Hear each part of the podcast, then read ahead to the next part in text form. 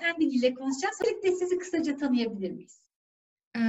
Evet, ben 1997 Kabataş Erkek Lisesi mezunuyum. Kabataş Erkek Lisesi'nin ikinci kızlar furyasından. Ardından lisans, yüksek lisans ve doktora eğitimimi Yıldız Teknik Üniversitesi Endüstri Mühendisliği bölümünde tamamladım. 2010, 2011 yılları arasında Belçika'da Katolik Leuven Üniversitesi'nde doktora sonrası çalışmalarım oldu. Daha sonra YÖK bursuyla gitmiştim oraya. Daha sonra Türkiye'ye döndüm. 2012-2017 yılları arasında yardımcı doçent ve doçent olarak Yıldız Teknik Üniversitesi'nde hocalık yaptım. Arkasından MIT macerası başladı. MIT'de Research Scientist olarak geçiyor. Araştırmacı olarak çalışmaya başladım. Şu anda Research Affiliate olarak yine MIT'nin çeşitli projelerinde çalışıyorum. MIT'de Center for Transportation and Logistics diye bir birimimiz var. Hem bir eğitim programı var, tedarik zinciri yönetimi üzerine, hem de işletmelere projelerine danışmanlık veren, işletmelerin problemlerini çözen çeşitli laboratuvarlarımız var. Buradayım. Boston'da devam ediyorum yaşamaya. Çok güzel. Siz tedarik zinciri üzerine çalışıyorsunuz. Öncelikle tedarik zinciri nedir? Tedarik zinciri çok fazla görünür olmayıp ama bu Covid zamanında hepimizin karşısına bir anda bir duvar gibi çıkan bir alan aslında. Tedarik zinciri yönetimi bir ürün veya hizmetin üreticisinin, tedarikçisinden aradaki üreticisi en son müşterisine kadar olan tüm faaliyetler bütünü bir çeşit bir ekosistem diyebiliriz tedarik zinciri için. Bunun içerisinde insan yönetimi var, para yönetimi var, bilgi yönetimi var, teknoloji yönetimi var. İşletmelerde özellikle envanter yönetimi, üretim, satın alma,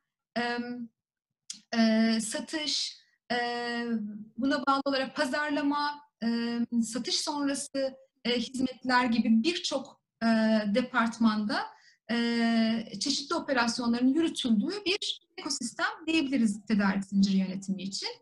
Bu çok genel bir ad tabii. Endüstri mühendisliğinin temel çalışma alanından, temel bir çalışma alanı aslında tedarik zinciri yönetimi. Endüstri mühendisliği öğrencileri de bilirler. Okudukları süre boyunca tüm bu alanlarla ilgili bahsettiğim envanter yönetimi, işte dağıtım planlama, pazarlama gibi bu alanlarla ilgili çeşitli dersler alırlar. Hepsi hakkında bir fikirleri olur. Dolayısıyla endüstri mühendisliği dediğiniz zaman bu tip noktalarda çalışabilen insanlardır. Benim de genelde çalışma alanım tedarik zinciri yönetiminde makine öğrenmesi uygulamaları. Tabii her alanda bunu uygulamıyorum çünkü çok fazla ayağı var bu işin. benim çalışma alanım daha çok talep tahmininde makine öğrenmesi yaklaşımlarını nasıl kullanabiliriz? Daha doğru bir talebi nasıl yapabiliriz? aynı zamanda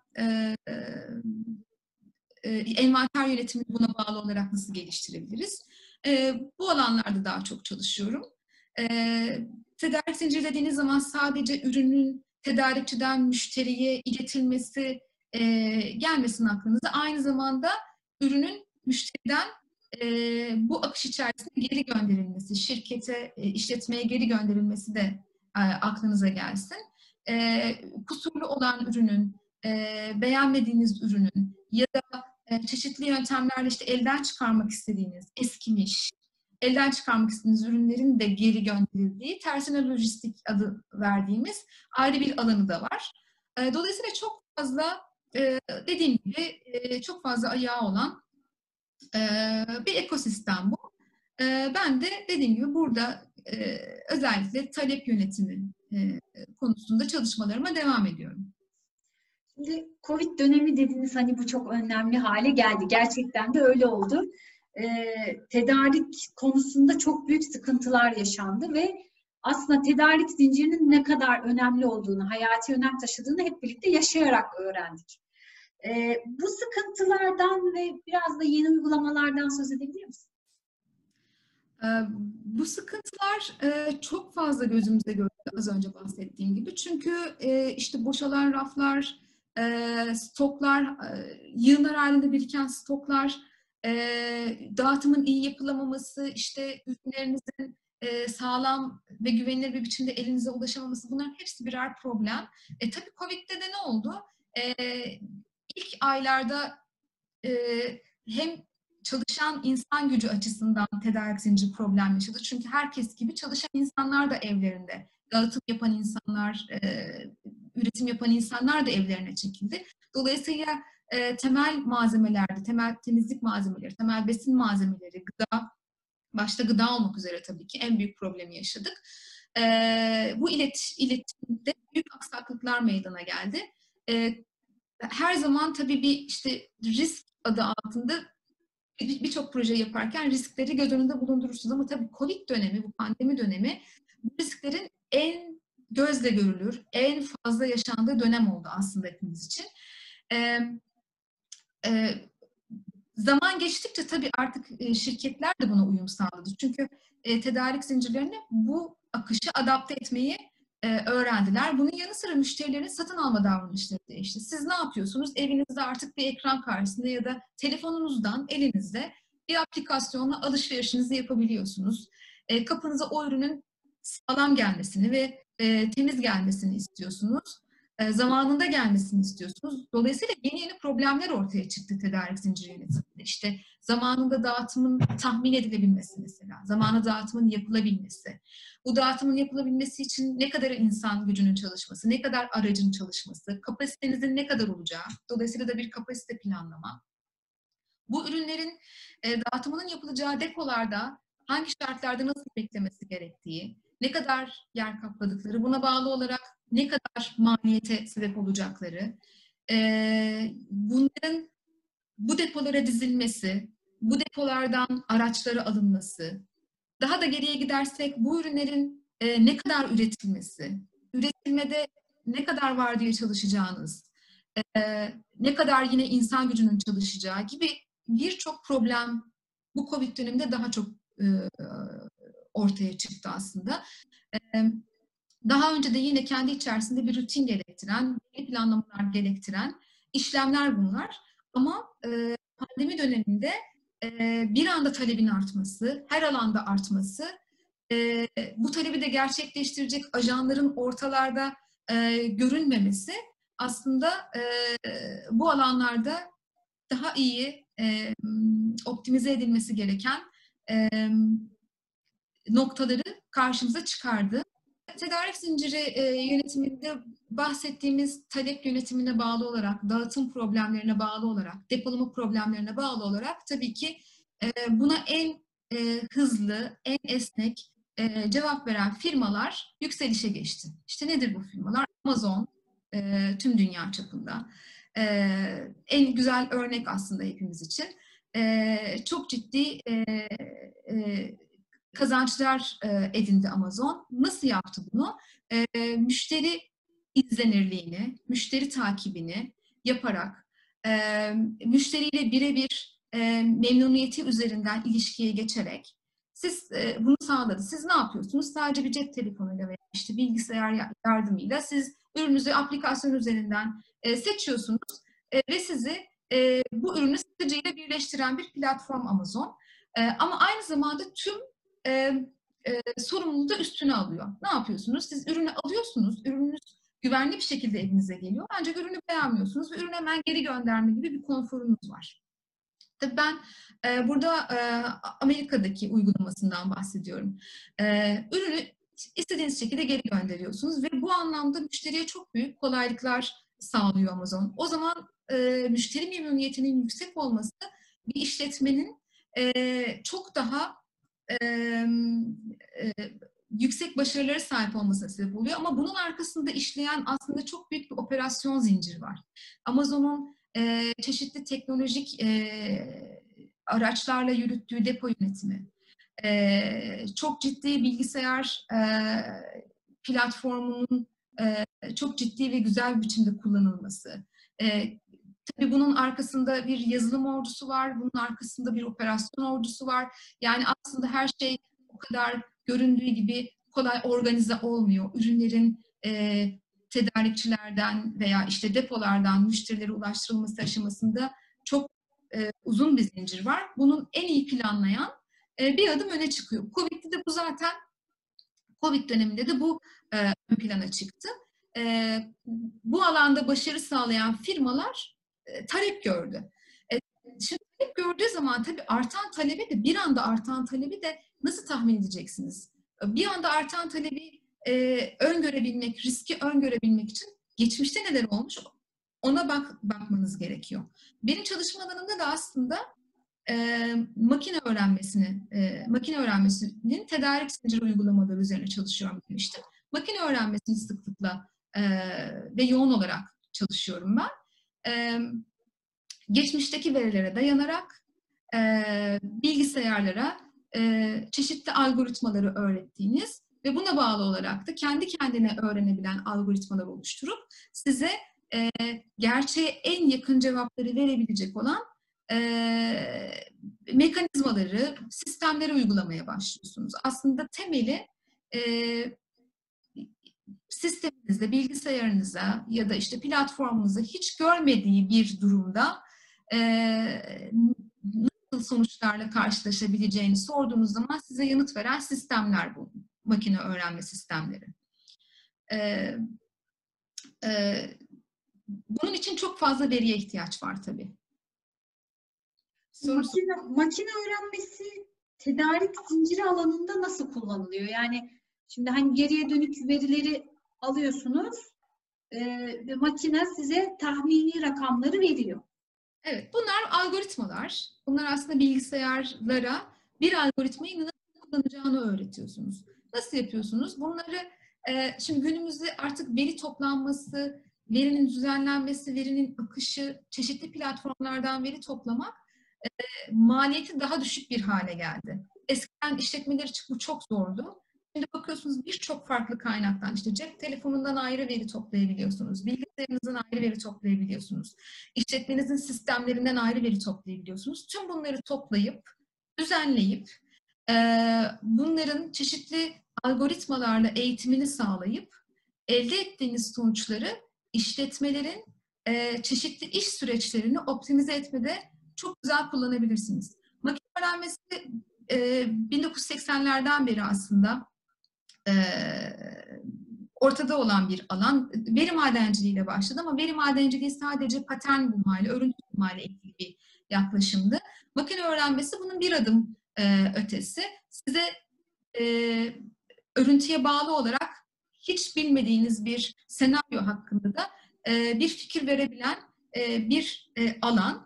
Yapay zekanın altında aslında konuşlanmış bir alan e, makine öğrenmesi. Yapay öğrenme olarak da geçiyor ama ben kullanmaktan pek hoşlanmıyorum. Çok kavramları karıştırdığı için. Yapay zeka alt dallarından biri diyebiliriz. E, şimdi makine öğrenmesinin güzelliği şurada. E, çok fazla, size bir iki istatistik vermek istiyorum ben aslında. Çok fazla veriden bahsediyoruz da bu çok fazla veri nedir? Mesela e, Google'da saniyede 40 bin arama, e, Twitter'da dakikada 456 bin tweet, Facebook'ta günlük 300 milyon fotoğraf ve 700 milyon yorum olduğunu düşünürsek insanlar sadece sosyal medyada gerçekleştirmiyorlar bu veri akışını. Bunun iş dünyasına yansıması da şöyle oluyor.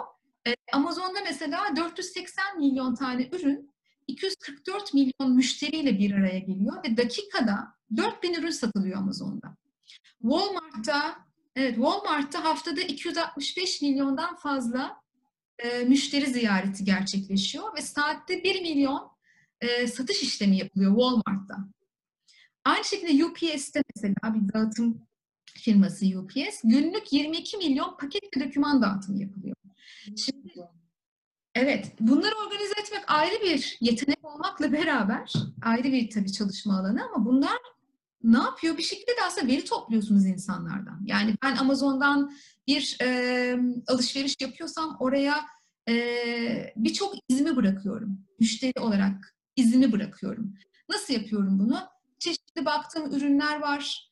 E, birlikte satın aldığım ürünler var. e, o platformun bana önerdiği ürünler var. Bu, e, tüm bu izime, benim bıraktığım ize bakarak. E, ya da benim satın alma sıklığımın e, e, takip eden e, bir platform aynı zamanda. Satın alma sıklığım, ne zamanlar satın aldım, hangi kategorilerde satın aldım, çocuğum varsa bebek ürünleri alıyorum mesela. E, gibi e, birçok iz bırakıyorum ben her sanal alışverişinde. Bu Türkiye için düşünürsek isim verebiliyor muyuz bilmiyorum ama çeşitli alışveriş platformları diyelim. E, buralarda da e, yine aynı şekilde iz bırakıyorum. Tüm bıraktığım bu izler benim için bir veri. E, işletmeler için de bir veri.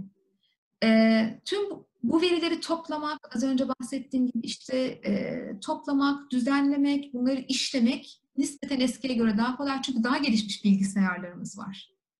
E, makine öğrenmesi çok yabancı olduğumuz bir yaklaşım aslında. E, istatistik, optimizasyon, lineer cebir gibi e, yöntemlerin e, domine ettiği bir e, alan makine öğrenimi. Dolayısıyla matematik sizin için e, çok güzel, kullanışlı bir araç. Biz de bu matematiği artık işletmelerin, e, işletmelerde yöneticilerin e, anlayacağı bir şekilde, e, yöneticilere hitap eder bir şekilde e, kullandığımız bir alan olarak e, ifade edebiliriz makine öğrenmesini. E,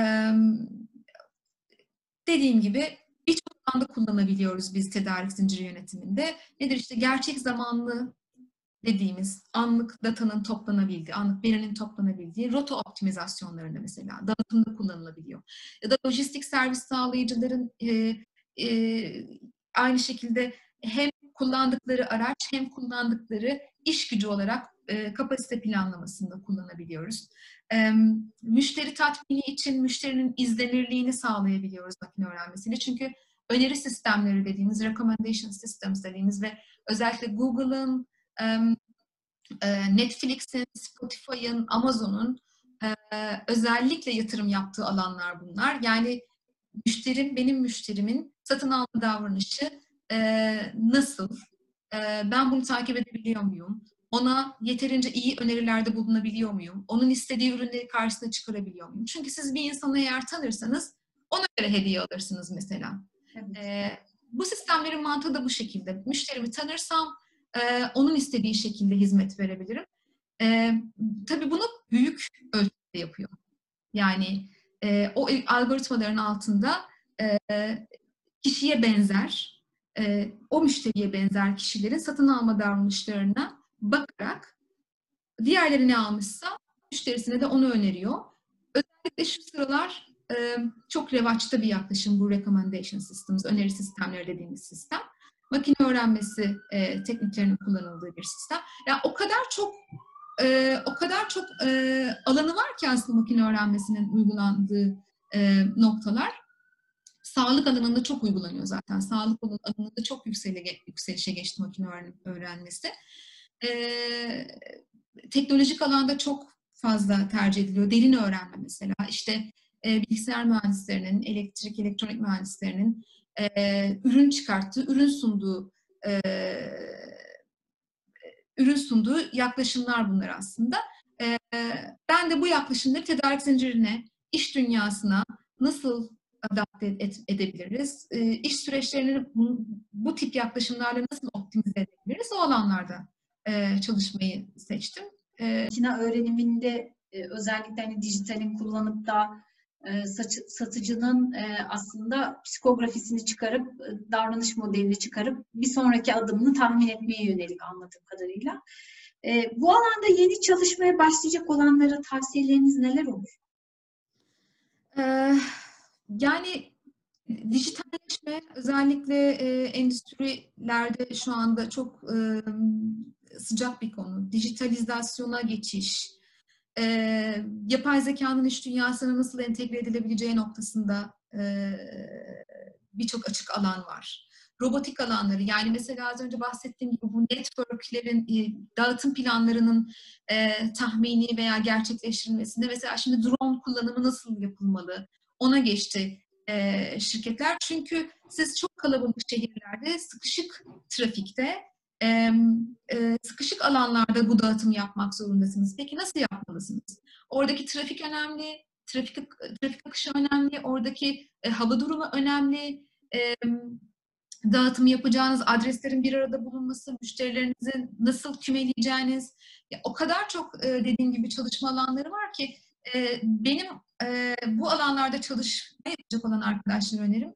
E, dağıtım ağlarının planlanması, e, depo otomasyon sistemlerine bağlı olarak e, depo süreçlerinin optimize edilmesi, e, lojistik, e, az önce bahsettiğim gibi e, üreticilerden e, müşteriye kadar ya da tedarikçilerden müşteriye kadar olan tüm süreçler içerisinde lojistik operasyonlar var. Bu lojistik operasyonların düzenlenmesinde e, bu tip dijital veya e, yapay zeka yaklaşımlarını nasıl kullanabilirim? E, yine iyi bir çalışma alanı. Ee, önemli olan dediğim gibi bir ürünü satabilmek için artık insanlar o ürünü istedikleri yere, istedikleri zamanda ve güvenli bir şekilde, sağlam bir şekilde e, elde etmek istiyor müşteriler. Bunu sağlayabilmek.